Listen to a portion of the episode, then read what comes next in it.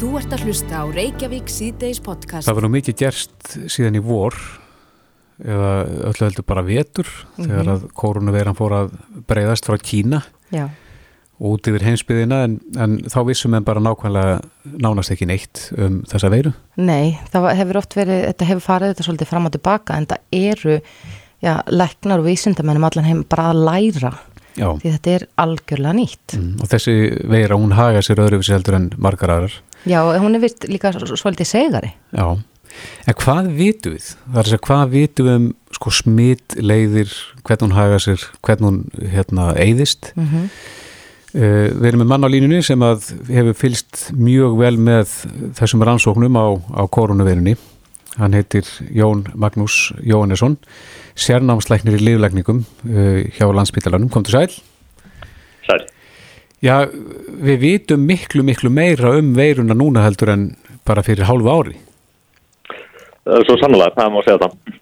Hefur verið, hafa einhverju vísindamenn annarkvist hér á landi eða erlendis verið að sko rannsaka svona hegðunina hvað varðar smitleiðir eins og já, svita eða aðra líkamsvessa og annað slíkt eða, eða er þetta, er það nokkuð skýrt að þetta kom bara úr munvatni og, og já, úr nefin á manni?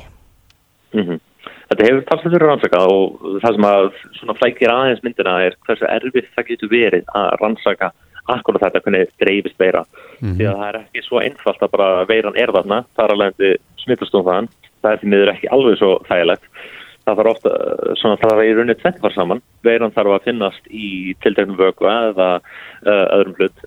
Og þetta þarf að vera veira sem er smittandi, eða virk eins og hvað Svo að það sem að hinga til verðist vera búin að sapnast upp á gögnum er að þetta dreifist fyrst og fremst með drópa og snertismyndi og það sem það þýðir er að þetta dreifist fyrst og fremst með í rauninni þess að við kallum seiti eða vökva frá efri og neðri undurafærum og best þannig á millokkar síðan með annarkvort drópum sem við gefum frá tölum og hóstum og nerrum eða óbeint með því að við hóstum, nerrum, tölum á einhver hlutið á hendurnar okkar og berum það síðan áfram með uh, svona óbeint. Já, þannig að þegar við erum að tala um til dæmis uh, fólki í ræktinni sem að svittar mikið, að þó þú komir og reykist utan í svita frá einhverjum öðrum að þá, þá er, ert ekkert endil í hættu. Hvað var þar þetta smitt? Nei, ekki svitið mitt og það verðist líka vera að þetta dreifist ekki með sem sagt uh, hægðum neina ráði, ekki með uh, svona, í rauninni öðrum vessum fægi eða, eða með kynlífi beint nema það bara út af nándinu sem telst í því. uh, svo þetta er aðalega þessi drópar frá öndurfærum. En það sem það auðvitað líka þýðir er aðstæðar það sem að við erum að gefa mikið frá okkur úða og drópa frá öndunumfærum eins og til dæmis í ræktinu það sem að við erum anda hraðar, gefum frá okkur meira af þessum drópum. Það er samt sem að auðvitað getur verið smitandi en það er ekki svitin og það er ekki tárin og það er ekki svona þessa leiðir sem að eru ráðandi í dreifingu uh, COVID-19. Nei, en eins og ég saði þetta náðan þá hefur það komið í ljósa að þessi veira er nú nokkuð svona seig með við aðrar veirur. Eh, Hefur það verið rannsakað og hversu, eh, hvað til dæmis handþvottur eða, eða sprittuna hana, hvort hún drepi veiruna og hversu langan tíma það tekur? Mm Þetta er verið rannsaka líka og það sem við vitum er að þessi veira, hún er mjög seg á yfirborðum eins og til dæmis bara svona flötum yfirborðum, uh, svona viðarborðum, plast yfirborðum, þess áttar. En þegar að hún kemst í snertingu við annarkvort uh, spritt eða eitthvað annað sem er svona svo kleinsandi, þá er hún samt viðkvæm og mjög eins viðkvæm og flestar aðra veirur. Svo bæði handfóttur og spritt leiða til þess að við óvirkjum veirun og gerum hann ekki smitandi. En varðandi tímalínuna, aðalatrið með handfóttin er, er að nutta vel og þetta tekur vanlega minnst kosti 15 sekundur að þú hendunar og þið gerir það vel. Varðandi sprittið, þá er það í rauninni svona þumulpötarekla sem maður getur nota.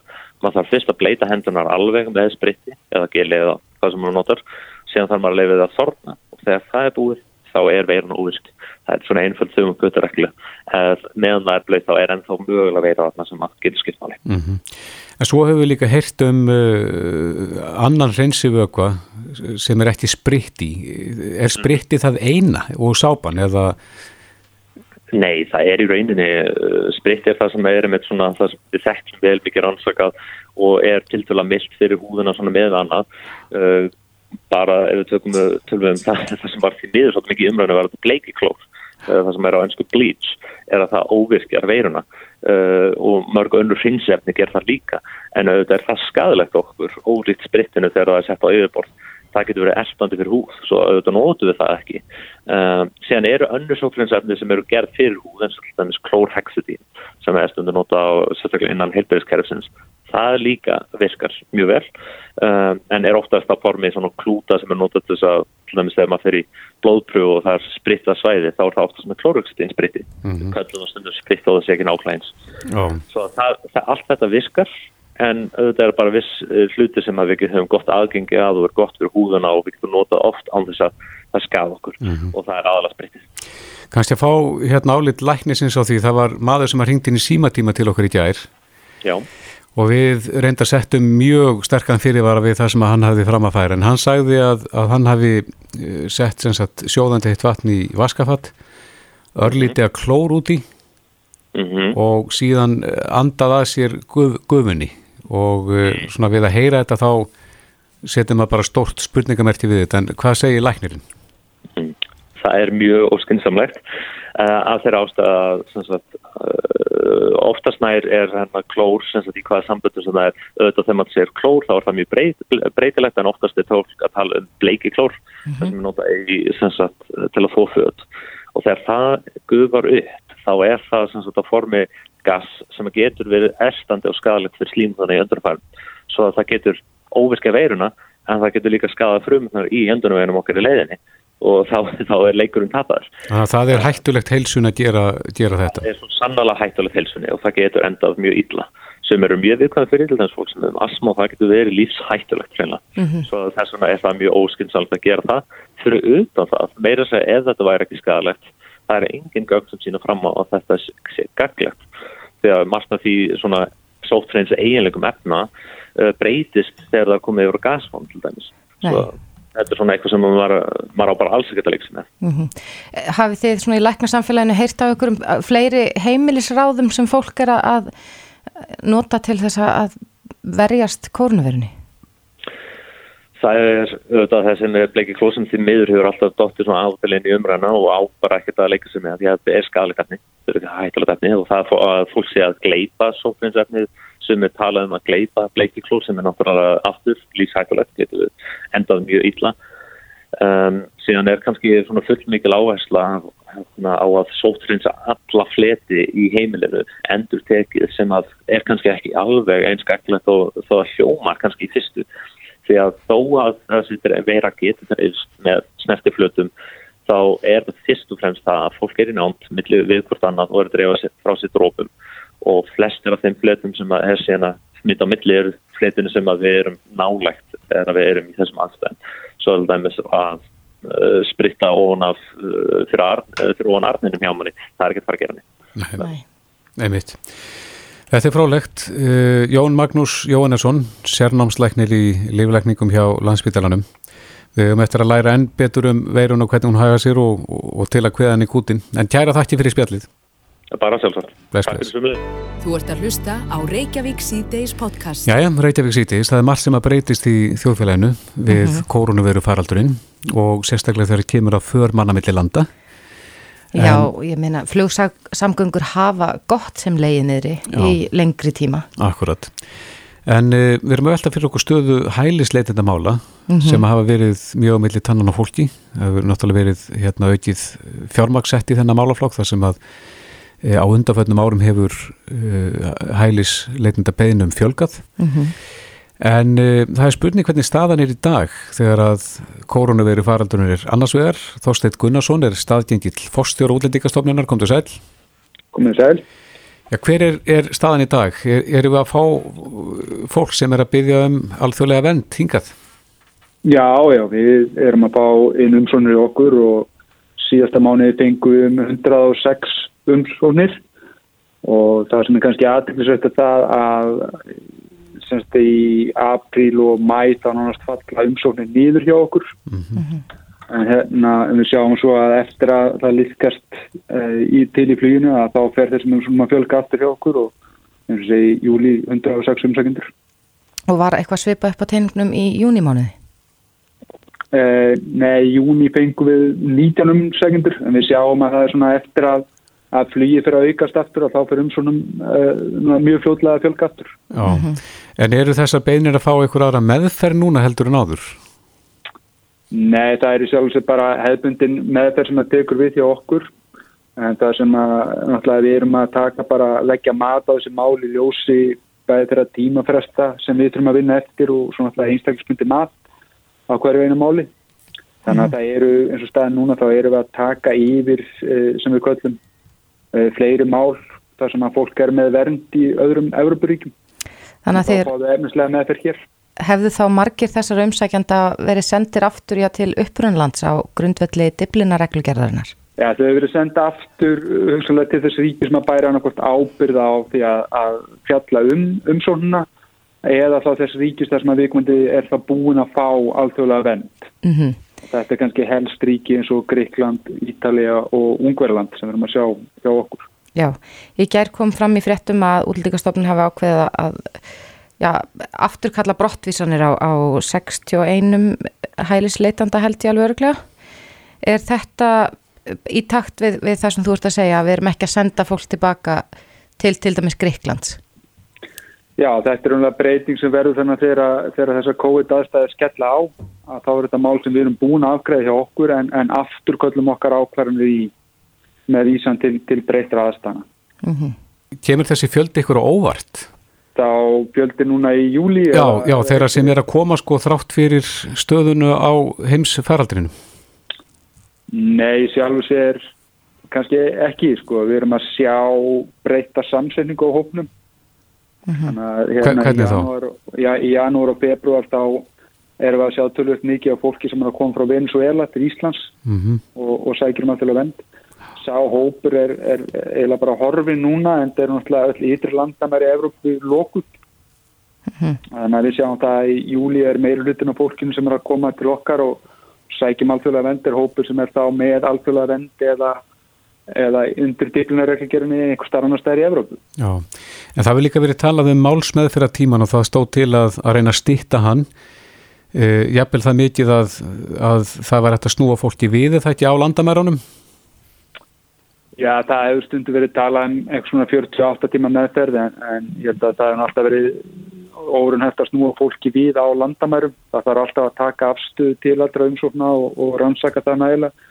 En það er náttúrulega búið að vinna ansi mikið verki því að stýtta málsmeðverðartíman heilt yfir í öllum málum.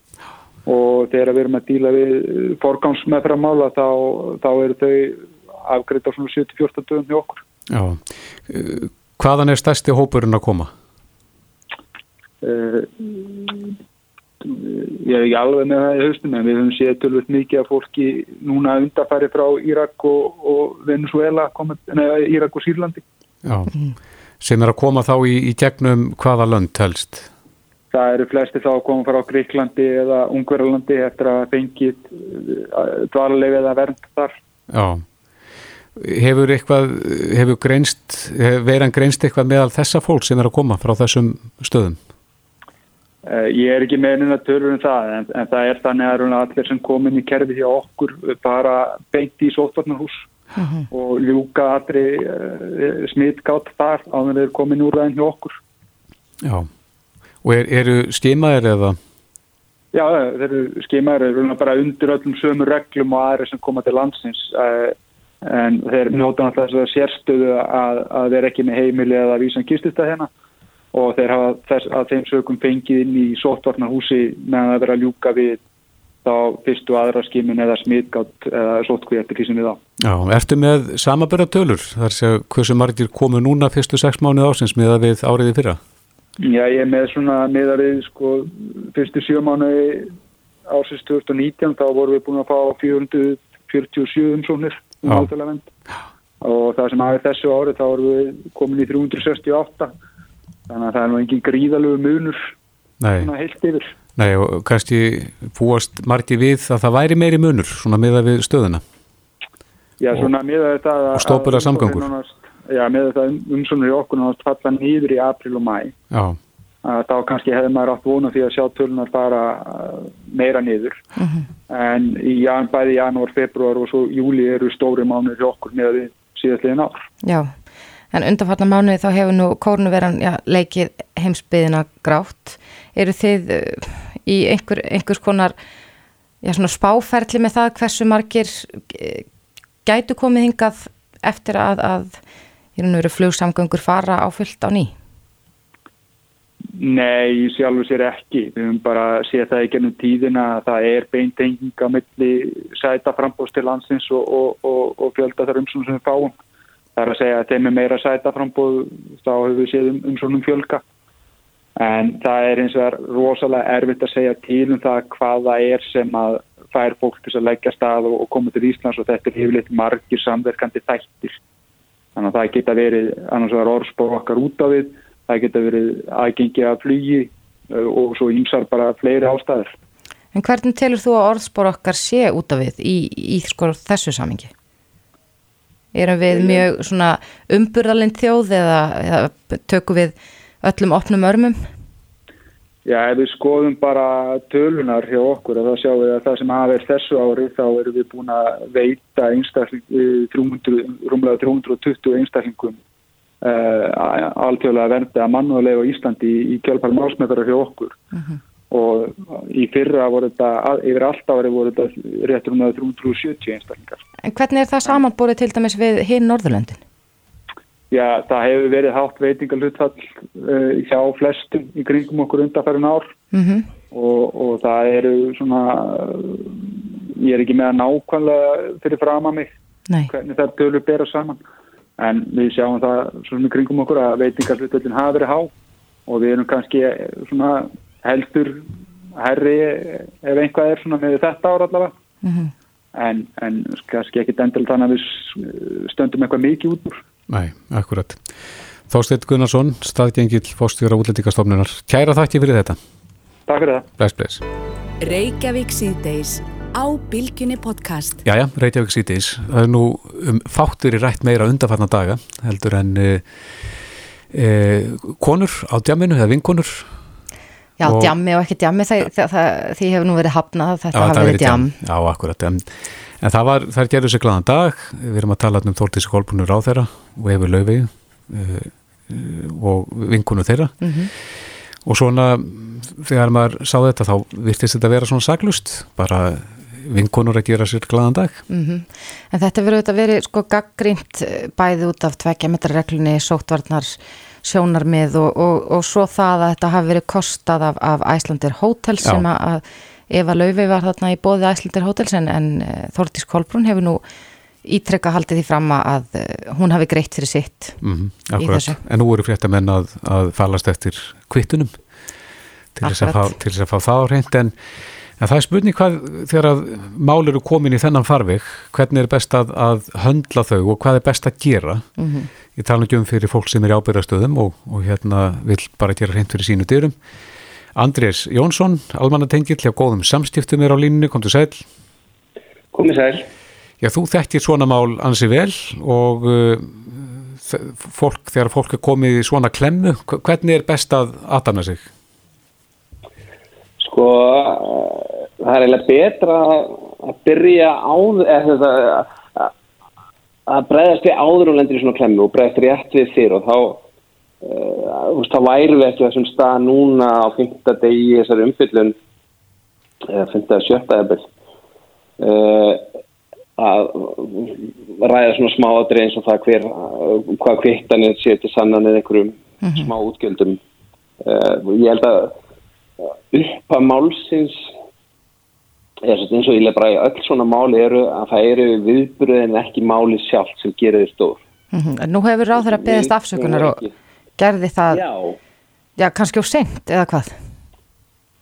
Ég held að það sé reyndar að skýringin á því að þetta máli verður svona blásið svona upp. Er, það, er að það voru ekki alveg náðu sannfærandi svöru upp af því mm -hmm. og e, segist ekki að fara út á lífið uh, og svona þar er verið svona svolítið verið að tóast á um eitthvað smáadriði sko, svona smá orðhengilsháttur svo segir hún hefði verið einfaldar að hitta ekki vinkonunnar en svona það sérst að hún er svona einu svolítið að komast hjá því að við ekki hún hafi uh, farið einhver brotið einhverja línu hana og, og svo segir hún að, veist, að myndatakan hafi verið óþarfi, hefði ekki það takana, en þetta er allt svona svolítið á þessum nótum.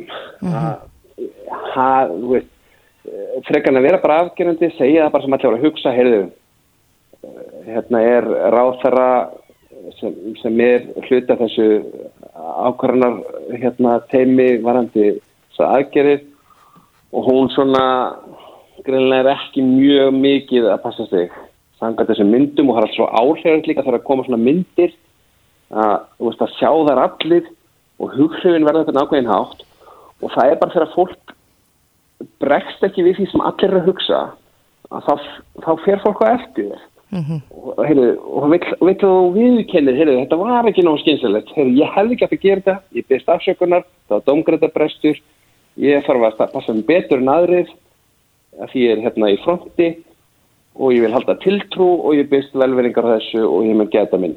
Og það hefur miklu flottar líka fríhegi bara fyrst til að það var spurt um þetta, hefði sagt, heyrðu, sáum þetta, þetta var ekki alveg nógu varkast, eh, við beinu til þórtisar að geta betur af og öllum öðrum þetta í leiðinni en uh, þetta er ekki stórmál en, en, en við vitum að hún mun passa sér í fremtíðinni. Það hefði bara verið betur fyrir hana líka. Mm -hmm. Þá hefði þessi tiltrúin í staðin fyrir þá verður þetta svona meðvirk aðbráð þar sem að einhvern veginn það verður að reyna að svara þessu og reyna að láta þetta passa inn í eitthvað annað en það sem allir er að hugsa og, og hérna, þórólur og, og þrýegir og einhvern veginn að missa tiltrú að því að það fyrir einhvern veginn að þú veist, reyna að vera með eitthvað svona orðalag þannig að, að þetta hafi ekki gæst sko. mm -hmm. En getur, getur ekki verið að pólitíkinn spilir stóra rullu þannig að það er kannski líka aðeila sem að reyna að nýta sér þetta í pólitískun tilgangi? Jú, ekki spurning og það er alltaf þegar að fólk uh, hérna er í pólitík og, og það gefur færa á sér eða lendir einhvern svona erfir umræðu að það hoppa ykkur á vagnin ég held að mér finnst Þórtís Kolbún alveg hafa staðið sér vel og, og svona höndla flest svona uh, mál er varða ábyrð umræðið frekar vel en, mm -hmm. en hún það er svo erfitt þegar maður lendir í einhver sem mann finnst það ósakett umræða beinir svona að mann er persónulega og kannski einhver lífi en einhver leiti að þá er sérstaklega erfitt að taka rétt ákvörnum hvernig, hvernig þú svara fyrir það og þarna finnst mér eins og hann hefur svona uh, einhvern veginn ekki viljað segja það sem allir voru að hugsa sem var bara, heyrðu, strax í byrjun með nánaði um þessu um þegar bendin á þetta þetta var algjörlega ráng ákvörðun að fara í þennan glæðskap mm -hmm. að vera í þessum hópi svona þessum tíma En nú er kannski svona með tilkomu nýra miðla og tækni þá er þetta eitthvað sem að já, fólki hennar stöðu þarf meira og meira að sætta sig við að vera í sviðsljósuna á þennan hátt sko, hvað var þar eh, já, bara sko, engalífið? Já, þetta eh, er það algjörlega nýri veruleiki að vera stjórnmálumar í dag en, en þeir nýta sér það líka sér til framdráttar og eru að uh, tala beint í kjósandi gegnum þessa miðla, þannig að þetta er svona bæði plussar og mínusar. Já, þannig að stjórnmálamenn eru að opna lífsitt, persónulega lífsitt miklu meira í dag heldur en áður fyrr. Já, og það þú veist, það býður upp á það að fólk er búin að taka screenshot og eður ykkur út, það er einhvern búin að taka skjáskotaði uh, eh, og það er allt einhvern veginn ringt og svo eru við með þess að við viljum eins og Twitter og Facebook það sem að flýtu svolítið upp eh, svona augafylgstu skoðaninnar sá sem að getur dreyði mest saman í háði eða gaggrutti eh, hérna harkalegast, hann fær fyrirsagnar hann flýtur upp þannig að við svona uh, fáum á tilfinningur þetta sé miklu alvarlega mál en það er kannski mm -hmm. ég held um þess að fólk almennt haldi ekki að þarna hafa voruð eitthvað rosaleg hættavarandi smidlegir uh, frekar en einmitt að við erum öll svona að feta okkur í þessu og gerum uh, mistök í þessum sóttöðnum okkarum degi, flest okkar. En, en það, sem, það sem ég held að hafi mistekist í þessu máli það er það að við held að tiltrú og þetta eru tvennskon tilgangur. Það, við erum að reyna að stöða útbreyslu verunar og við erum að reyna að viðhalda tiltrú almennings á aðgerðunar og á þeim sem er að taka ákvarðar um aðgerð mm -hmm. Þórtís er þeim hópi þrýegir þeim hópi og þeir get ekki verið með svona eitthvað sérreglu fyrir sig sko. Nei. Þau verða eiginlega að nota sér sem fordæmi. Já, en nú er náttúrulega annað áleitamál í þessu er, er, er þetta með þessa kostun. Það er eitt að, að það, einhverjar, einhver tilmæli sóttvarnaleiknins hafi verið brotin en, en svo það að, að eh, já, þetta hafi verið kostað að einhverjum hluti allavega af Æslandir Hotel. Uh, já, eins og ef ég, ef ég spyr þig sem almannatengil hefði Þórdís Kolbrún átt að sjá það fyrirfram að þetta gæti verið umdilt? Að hún tæki þátt í þessu vitandi af, af kostunni sem slíkri? Já, ég held að ég ljósi þess að þetta er hótel og hún er ráð þeirra ferðamála að þá gefur hún færi á gaggrinni með því að vera partur af eitthvað slíku. Þetta er alltaf samt eh, fín lína sem stjórnmálum er að dansa á. Við viljum líka er koma og heimsæki fyrirtæki, veist, þessu jákværi garð fyrirtæki sé að greiða göttur einhverju marki. Uh, veist, fyrirtæki er ekkert annað eitthvað fólk sem vinnur þar og veist, við erum uh, hérna alls saman í þessu en hún býður upp á þetta er alltaf svona og stjórnum þurfa að vara valkárir og sérstaklega þegar hún er núna endur gaggrinni út af sóttverðnar hliðinni að þá stakkar máli og þá fara fyrir fólk að finna allar neik, alla neikleika í málinu og þá En Andris, að þú segir að, já, að, þú segir að, að snögg viðbröð skiptir miklu máli þegar svona kemur upp, að það er að bregðast við áður en að, að leiðindin byrja, uh, að því að nú er þetta tegja eins úr sér og nú eru fréttamenn að, að byggja um kvittanir, uh, sannanir fyrir því að hún hafi greitt fyrir, hvernig, hvernig á að bregðast þess líku, nú, að því að nú er hægt að draga eitthvað mörkinni þetta, hvað var þar persónulegt líf manna, alveg til engalífs og allt það?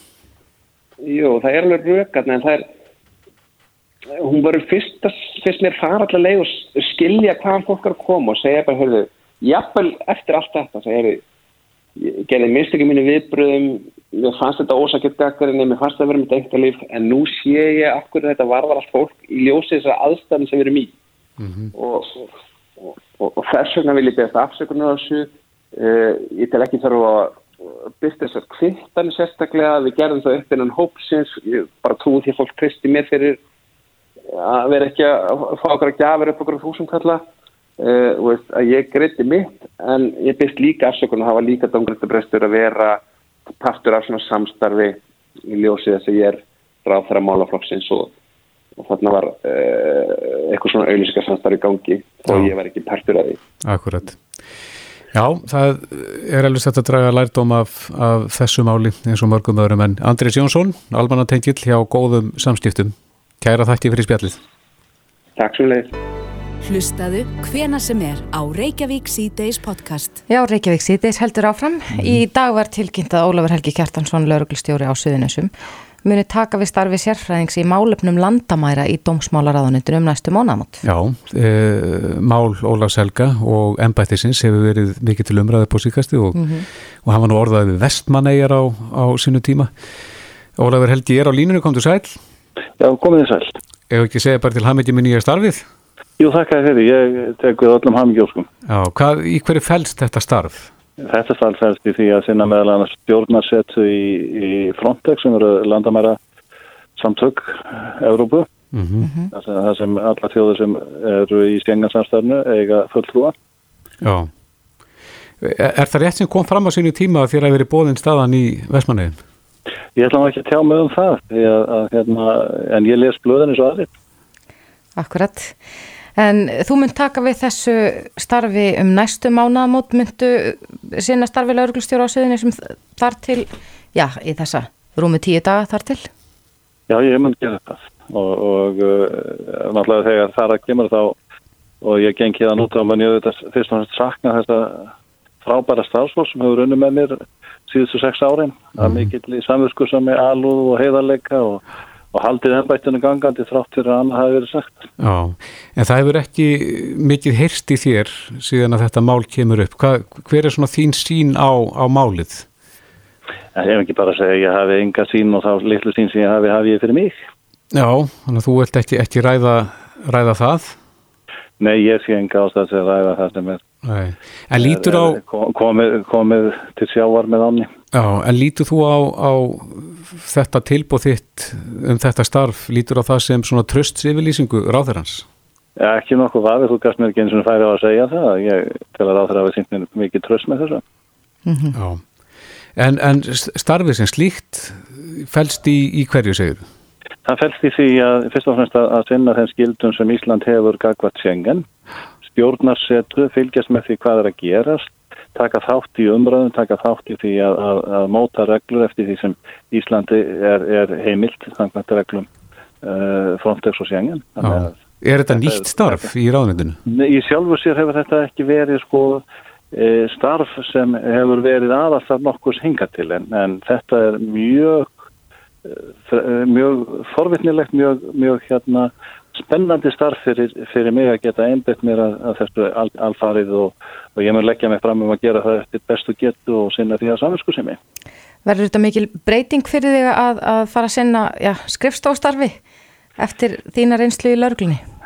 Já, ég hef náttúrulega alltaf finnst skrifstofstormi í bland og, og, og hérna, þetta, þetta er auðvitað líka starf sem krefst mikill að samskipta og eins og starfi í lauruglinu og eins og starf síslumanna og fleira og ég, ég hef alltaf verið ánæg með það eiga samskiptu við fólk. Já, verður þau með aðsettur þá í ráðnitinu sjálfu?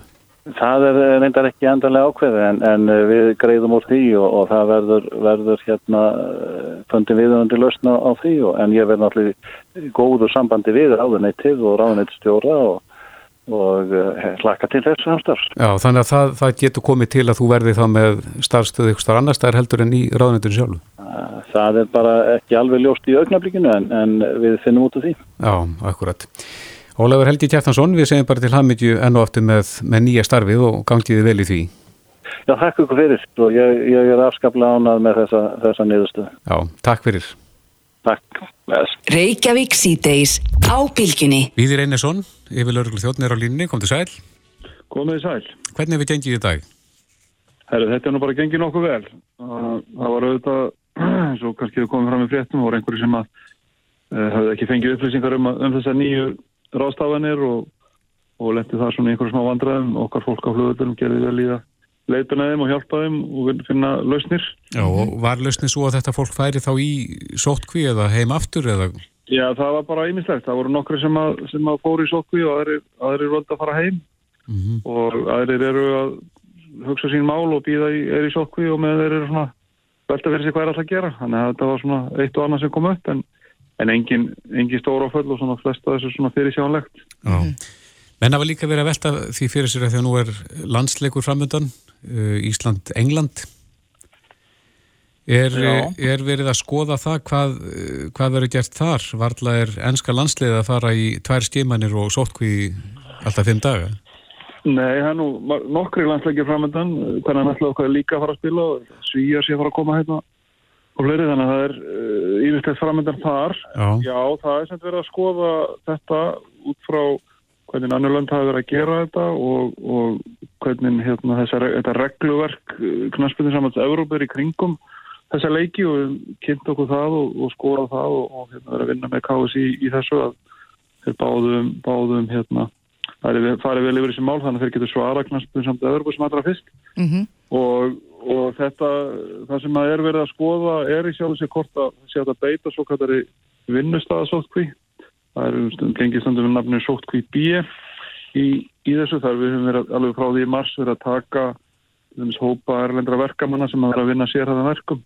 Þeir hafa komið til landsins og þeir hafa verið sem einn hópur að vinna í einhverju, einhverju verkefni og hafa síðan uh, jafnvel tímabundi bara og farið síðan af, af landin aftur og síðan hafa við með einstakar sérfrænga sem hafa komið að vinna í þessu. Og þetta er sem við verðum að skoða það hvort að þessi uh, og þá undir þessum ströngu sótlandakröfum uh, knaspinu samvægt að Európu hvort að þetta falli að, að regluverkinu og þeim heimuldi sem eru fyrir undan þá er í, í því til þess að það sé að spila þessa leiki. Já, munu þá ekki eflust einhverju spyrja sig eh, hvort að eitt er ekki að gilda um alla?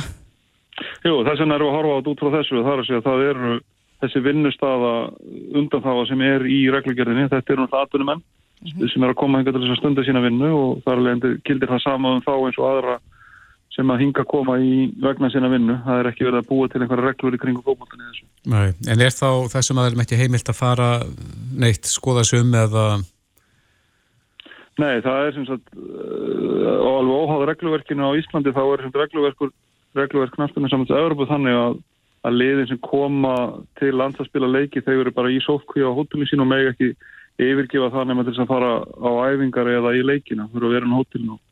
Það er til dæmis eins, það umhverju sem káringar voru í, í, í gerð og í þetta í Skotlandi. Þeir lenda í Skotland og fara bara beintinn á hótel og fá ekki að fara út af því nema þess að fara á æfingu og síðan spila leikin og síðan fara þér úr landi beintinn til leikin. Já, er, er þessum aðilin þá ekki heimilt að blanda stöðurum hótelgestum eins og til dæmis í Nei, matsal eða?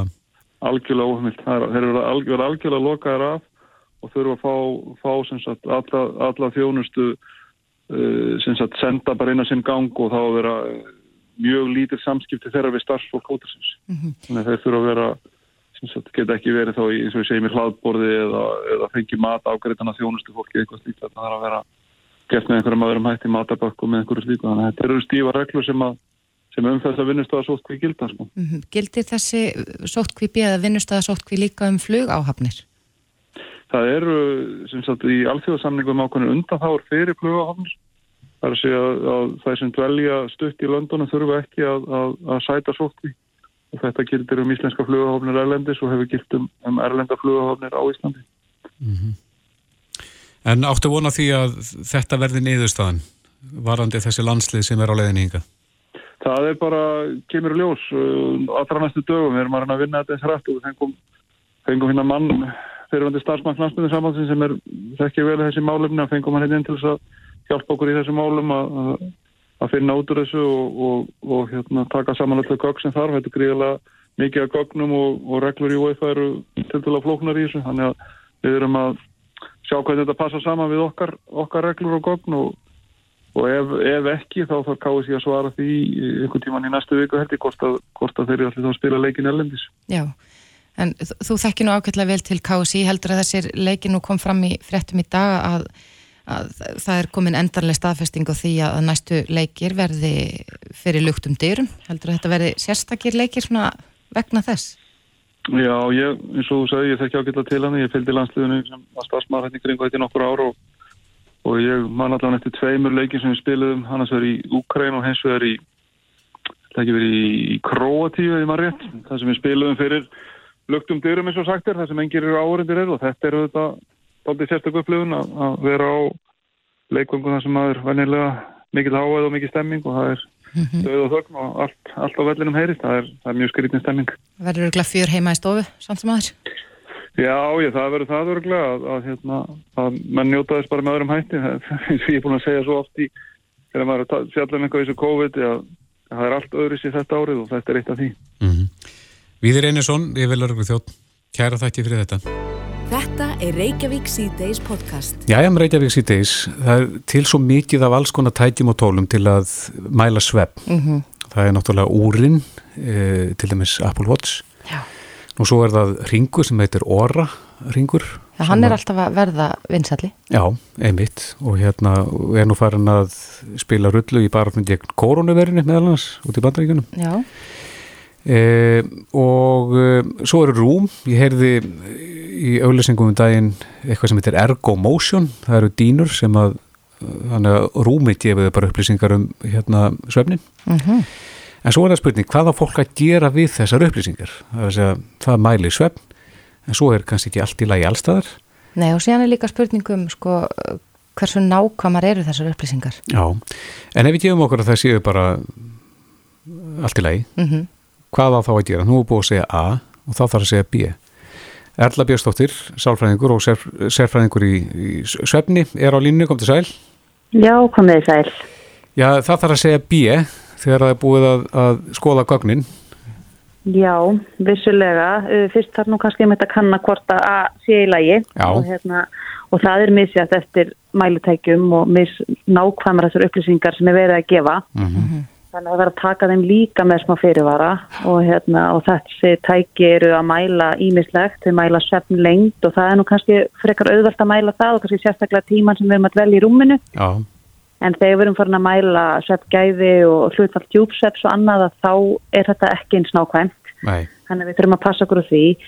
Auðvitað ef við erum að fá mjög slæmar niðurstöður úr þessum tækjum nótt eftir nótt að þá getur vel verið að eitthvað sé að okkar sveppmynstri og eitthvað sem við þurfum að aðtuga og laga mm og þá er hægt að hitta sérfræðinga á þessu sviði og meðal annars við því betri svefn erum að sinna slíkri ráðgjöf þar sem við förum bara með fólki yfir svefnin og yfir lífstilinn og rútínu og, og heilsu og annað sem að skiptir máli þegar kemur að söpgæðum og það þarf að skoða alla þessa þætti í samhengi en það getur alveg líka verið þannig að hérna, úrið sé að sína okkur upplýsingar sem er ekkit endilega að segja, segja satt. Nei, en er fólk að koma til ykkar með niðurstöður úr þessum tætjum og, og ber undir ykkur?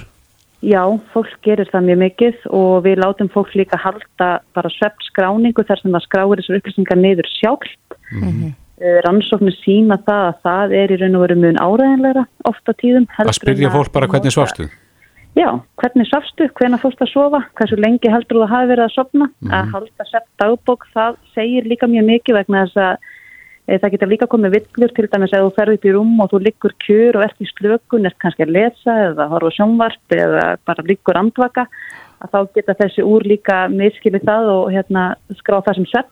Já, en þessi, fyrir ekki þessi tækið, þau eru oft góða því leiti að, að að það getur komið í ljós að þú sért að bilda þér til dæmis kannski óæðilega oft í nóttina. Þau, þau nema það, hreyfinguna. Já, þau nema hreyfinguna og það eru þetta ímislegt og þetta er alltaf að vera nákvæmara nákvæmara. Þau eru komið með hjarslátt mörg hver og líkamshitta og tímanætur og hreyfingin og allt þetta. Mm -hmm.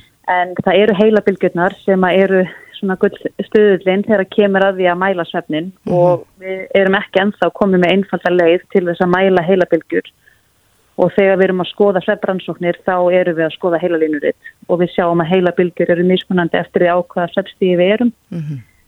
Þannig að mér finnst oft sko sérstaklega kannski þegar við erum með fólk sem er með svefvandamál og svefleysi og hefur mikla áhyggjur á svefninu sínum þá getur þetta stundum gert slutina aðeins flóknir og ég vil bara skapa það áhyggjur Já. en ef að fólk er bara stundu helgaðan lífstíl og hefur bara aðeins áhuga á því að fylgjast með þessu og, og setja sér kannski góð markmið varandi svefnin og þá getur þetta verið gaglegt mm -hmm. En við þurfum svona að passa okkur á því að þetta far ekki að stýra lífinu og ef við vöknum og finnumst við bara þokkarlega út kvild og lítum svo úrið og sjáum að svefnin hafi verið slæmur samkvæmt því að fara þá alltaf í una panika og finnast við vera þreytt og allt vera ómögulegt. Sko. Nei, en getur líka verið, þetta við tölum að þetta er auðvitað ímistæki, ég man nú eftir þegar sko iPhone kom fyrst að marka þá gæti maður að sofi með síman á dínunni og þá var það að meta einhverjar ja, reyfingar og annars lít, en, en geta þessi tæki líka bara verið að trubla svefnin? Ég sóra það, við erum ekkert að mæla með því að við séum of mikið að tækjum inn í svefnherberginu og sérstaklega ekki tæki sem er að senda frá sér einhverja bylgjur eða einhverja tilkynningar og ég til dæmis mælast að með því að fólk hafi síman og flugstillingu ef það er með það inn í svefnherberginu. Uh mhm. -huh. Þannig að það er eitthvað sem við höfum líka ágjur af að sé að trubla svefnin. Já. En hvað þarna, svona, feist að þú stundar þetta nú að, að ráðleika fólki og, og hjálpa þeim að fá betri svefn Mm -hmm. Hvað væri það fyrsta sem þú myndir áleika þeim sem allavega telja sig sofa illa? Sko það fyrsta sem ég myndir áleika fólki að gera er að halda nokkuð skona skráningu um svefninsin mm -hmm. og við erum til dæmis með bara svona svefndagbækur sem við látum fólk fá. Fylgjast aðeins með því, hvað er ég að gera við daginn? Hvað er ég að borða? Hversin er koffinæsla mín? Er ég að drekka áfengi? Er ég að seifa mig? Hvena fer ég upp í rúm á kvöldin? Hvena fer ég að fæta um mótnana? Eh, er ég að leggja á daginn, hvernig er minnstur um helgar eh, á móti viskundögum, svolítið að velta því fyrir sér og þegar maður sér að maður er með slæma nætur, er eitthvað sem að einkennir þá daga sem ég séf ekki vel. Hef ég áhyggjur af einhverju eða fór ég ekki í rektina eða drakk ég á mikið kaffe eða er einhver ástæði fyrir því að því oft þegar maður sittur þetta allt saman og þá ser maður ákveðið samhengi. Uh -huh. Og svo er margar litlar breytingar sem við þurfum að gera til þess að laga svefnin og ég hef oft sagt að það er ekki til einhver einn svona töfra löst einhvað quick fix, þetta er yfirleitt vandamál sem er búið að taka svolítið tíma að þróast og ég er búið að vera til staðar lengi mm -hmm. og þá þurfum við líka smá tíma til þess að vinda ofan af því og koma okkur í betri rútínu en það er svo sannarlega hægt að gera það en það getur alveg tekið okkur nokkra vikur að, að ná að vinda ofan af slæmum söfni. Já, hvenar er síðast í séns að fá sér kaffibotla án þess að hann hafi áhrif á söfnin? Ég myndi segja bara ykkur um hátegi sko. Já, ekkert setjapartin eða? Nei, nei, nei, nei, alls ekki, ekki eftir tvö. Það er bara kaffibotli sem hún færði klukkan þrjú eða eitthvað með koffinni. Það er ennþá í blóðinu þú veist að fara að sofa kvöldi. Og getur haft tröfla söfnin? Já, getur tröfla söfnin og þó svo við getum drukkið koffin og sopna þá er einmitt ekki þar með sagt að koffinni sé ekki hafa áhrif á söfngæðin okkar. Uh -huh. Af því að söfn lengt er einn mæli hverði en söfngæði eru alveg mikilvæg og það er ímyndstætt sem hefur áhrif á þau líka. En finnst þú nú á þessu nótum, hvenar er, er síðasti sjansa að stunda líkamsrækt áður um að fyrir hátinn? Sko það er ekki mælt með mikillir reyfingu svona síðustu 2-4 tímana fyrir svefn og þetta er svolítið langt byl, 2-4 tímar en í rauninni þá fer þetta eftir ákjæfsreyfingarinnar. Þannig ef við erum að taka léttan göngutúr eða jókaæfingar þá er það kannski lægir sem tími fyrir svepp en ef við ætlum að fara í spinningi eða út að hlaupa þá viljum við láta líða fjóra tíma. Já, þó að svona maður gæti alveg dreigið það álugtun að, að ef maður reyfið sér vel að þá verður maður þreyttari og sopni fyrr og sofið betur. Já og það er alveg rétt, reyfing hefur góð áhrif á svefn og eigur svefn gæði og dregur úr líka með svefn vanda en það er bara þetta, ekki reyf okkur á nálagt háttatíma. Þá erum við að senka dægurseflun okkar og örfa líkamann og gera það verkum að við erum líklega til að vera lengur að sopna. Já, svo eru sumið fannir nota glerugu sem að draga úr þessari bláu byrtu. Já. Mælur með því að, að fólk kannski eftir kvöldmatt setja upp slík glerugu? Já, sérstaklega ef við erum í tölviða tækjum að þá er það mjög sniðut að vera með gleru sem taka bláuljósin út eða þá breyta byrtunni á skjánum hjá okkur sjálfum. Ég mælu líka með því bara hér á Íslandi á sumrin að fólk sé bara með sólgleru á kvöldin. Ef við erum úti á kvöldin, það er mikil dagsbyrta mm -hmm. þó að sólinn skýni ekki og þetta hefur áhrif á framleyslu melantónin sem er þetta svona myrkur svepphormón. Ah. Þannig að ég held að það sé mjög gott að takmarka alla byrtu og sérstaklega bláa byrtu á kvöldin. Já. Erla Björnstóttir, sálfræðingur og sérfræðingur í Svefni hjá Betri Svefn. Kæra þakki fyrir þetta. Takk fyrir. Bless, bless. Bye bye. Reykjavík síðdeis á Bilginni podcast. Hei, Reykjavík síðdeis á Bilginni heldur áfram. Nú fer haustið að bresta á. Já. Í gær var sumar, í dag er svolítið haustlegt úti. Já, er ekki vona sumurinn aftur á morgun? Jú, mér skilst það. Og um helginu. Já, en þetta er svona tíminn sem að fólk fyrir að detta aftur í rútínuna Já, ég, ég er fann að finna fyrir höstinu og það er einhvern veginn bara byrtan og annað slíkt Já, ég er sammála en það er til ymsar leiðir til þess að skipulegja sig og ég var lengi vel mm -hmm. svo típa sem kefti mér svona dagbók hverju hösti og ætlaði að vera að taka höstið með trombi og svo skrifaði ég kannski bara einu sinni í hana Já Og svo var skipulagi farið. Já, svo var skipulagi farið, svo bara var maður að, tróða marfa það. Já, en við, við, við viljum flest hver rútínu Já. og þurfum hana. En það er spurning hvernig er best fyrir fólk að, að koma skipulagin á og eins og segir að halda því. Mm -hmm. Á línunni er Ingrid Kúlmann hjá Þekkingamöðlum, kom til sæl. Bless og sæl. Já, hvað er, er eitthvað leini trikk í þínum bókum sem að, að já, fær mann til þess að koma upp rútínu og skipulagi og, og halda því? Já, það er í fyrsta leið kannski að færast ekki og mikið í fang því að ég finn alltaf þegar fólk fer að staða á höstin að þá ætlaði sig kannski um of, það ætlaði að ská sig á námskeið og byrja aftur í líkamsrækt og fara sína áhugamálum, kannski að læra mála eða eitthvað slíkt og svo er allskyns gegnilegt tilbóð, menn vilja skera landvæknir og klífa 52 fjöld, þannig ég segi alltaf að byrja bara á því að, að hafa svolítið raunhæft. Mm -hmm. En svo er auðvitað gott að gera skriflegt skiplag. Í fyrsta lagi hafa rannsóknir sínt að ef við setjum okkur markmið, skriflega markmið, og það eru 30% meiri líkur á að við náðum þeim. Já. Þannig að það er gott að skrifa hlutina niður en svo er við auðvitað ekki bara eiland. Við erum auðvitað, við þurfum að gera þetta í samvinni við fjölskylduna mm -hmm. og það er alltaf mjög gott að gera skipulag sem tekur miða af því að því að börnin eru líka með sín áhagamál og tónlistaskóla og og íþróttir og svo framveist. Þannig að það er svolítið gott að, að samræma þetta skipilega hjá bæði okkur sjálfum og fjölskyldinni. Þannig að þetta verður ekki á mikið, þetta verður viðráðalegt mm -hmm. og líka allir viti til hversi ætlast. Já. Hver á að sækja, sækja, hver á að skuttla og hver fer með barni í tónlistaskólan og svo framveist. Akkurat. Ég hef tekið eftir allavega á mínu heimila að þá er svona það sem verður okkur að falli, okkur fjölskyldinni er, er kvöldmaturinn. Já það er, er verist alltaf vera klukkan er hálsjö þegar ég kem heim á vinnunni og, og þá veitum við ekkert hvað við erum að borða. Mælur með því að fólk kom upp einhvers konar skipulagi þar? Það er auðvitað mjög góð hugmynd. Í fyrsta lagi vegna þess að þegar við erum svöng, við komum úr vinnunni komum við í búðinni að þá kaupum við yfirlegt kannski það sem við ættum ekki að kaupa og óhallustu í öðru lagi getur þetta líka að spara pening og tíma. Ef maður fekk til dæmis einu sinni í viku í búðina með lista, maður gerir ákveðið skipulag fyrir vikuna. Það getur maður þá skipt um daga. Maður er alltaf búin að versla fyrir vikuna. Og það, það er þá eitthvað sem við þurfum alltaf ekki hugsa um, hvað er í matin í kvöld? Mm -hmm. Akkurat, og svo er nú verið að bjóða upp á þjónustu, það er eins og eldum rétt og annað slíkt sem að Já. sem að kæri þetta bara upp á dyrum. Já, nákvæmlega, það er þetta líka góð hugmynd og, og, og það er líka mjög gott til að spórna við matasón, þá er þetta bara að fá það sem að Það er ekki að kaupa hérna, þrjá púrulöka og nota bara einn. Einmitt, en þú segir að það skiptir miklu máli að skrifa niður stipulagið, að, að, að vera ekki með þetta og nokkra bolt á lofti og, og vera bara með þetta í huganum. Nákvæmlega, það er gott að skrifa þetta niður, en auðvitað, ég þekki þetta með dagbókina sem að Þórdís nefndi stundum er gott að, að gera þetta bara í símanum Mhm. eða bara að hafa, hafa þetta á stað sem er uh, aðgengilegur öllum, þannig að uh, makinn getur líka séð hvar, hvar börnin eru og hver á að sækja og hver á að skutla. Já. En við notum auðvitað síman í dag meira kannski en akkurat dagbókina. Já, það eru til alls konar upp sem að, sem að fólk getur tengt saman á milli síma þannig að allir séu á sömu blaðsíðu. Nákvæmlega, þetta er alveg eins og outlook sem við notum í vinnunni til að sjá hvar allir er og, og hver er laus fyrir, fyrir fund og svo frá þess. Mhm.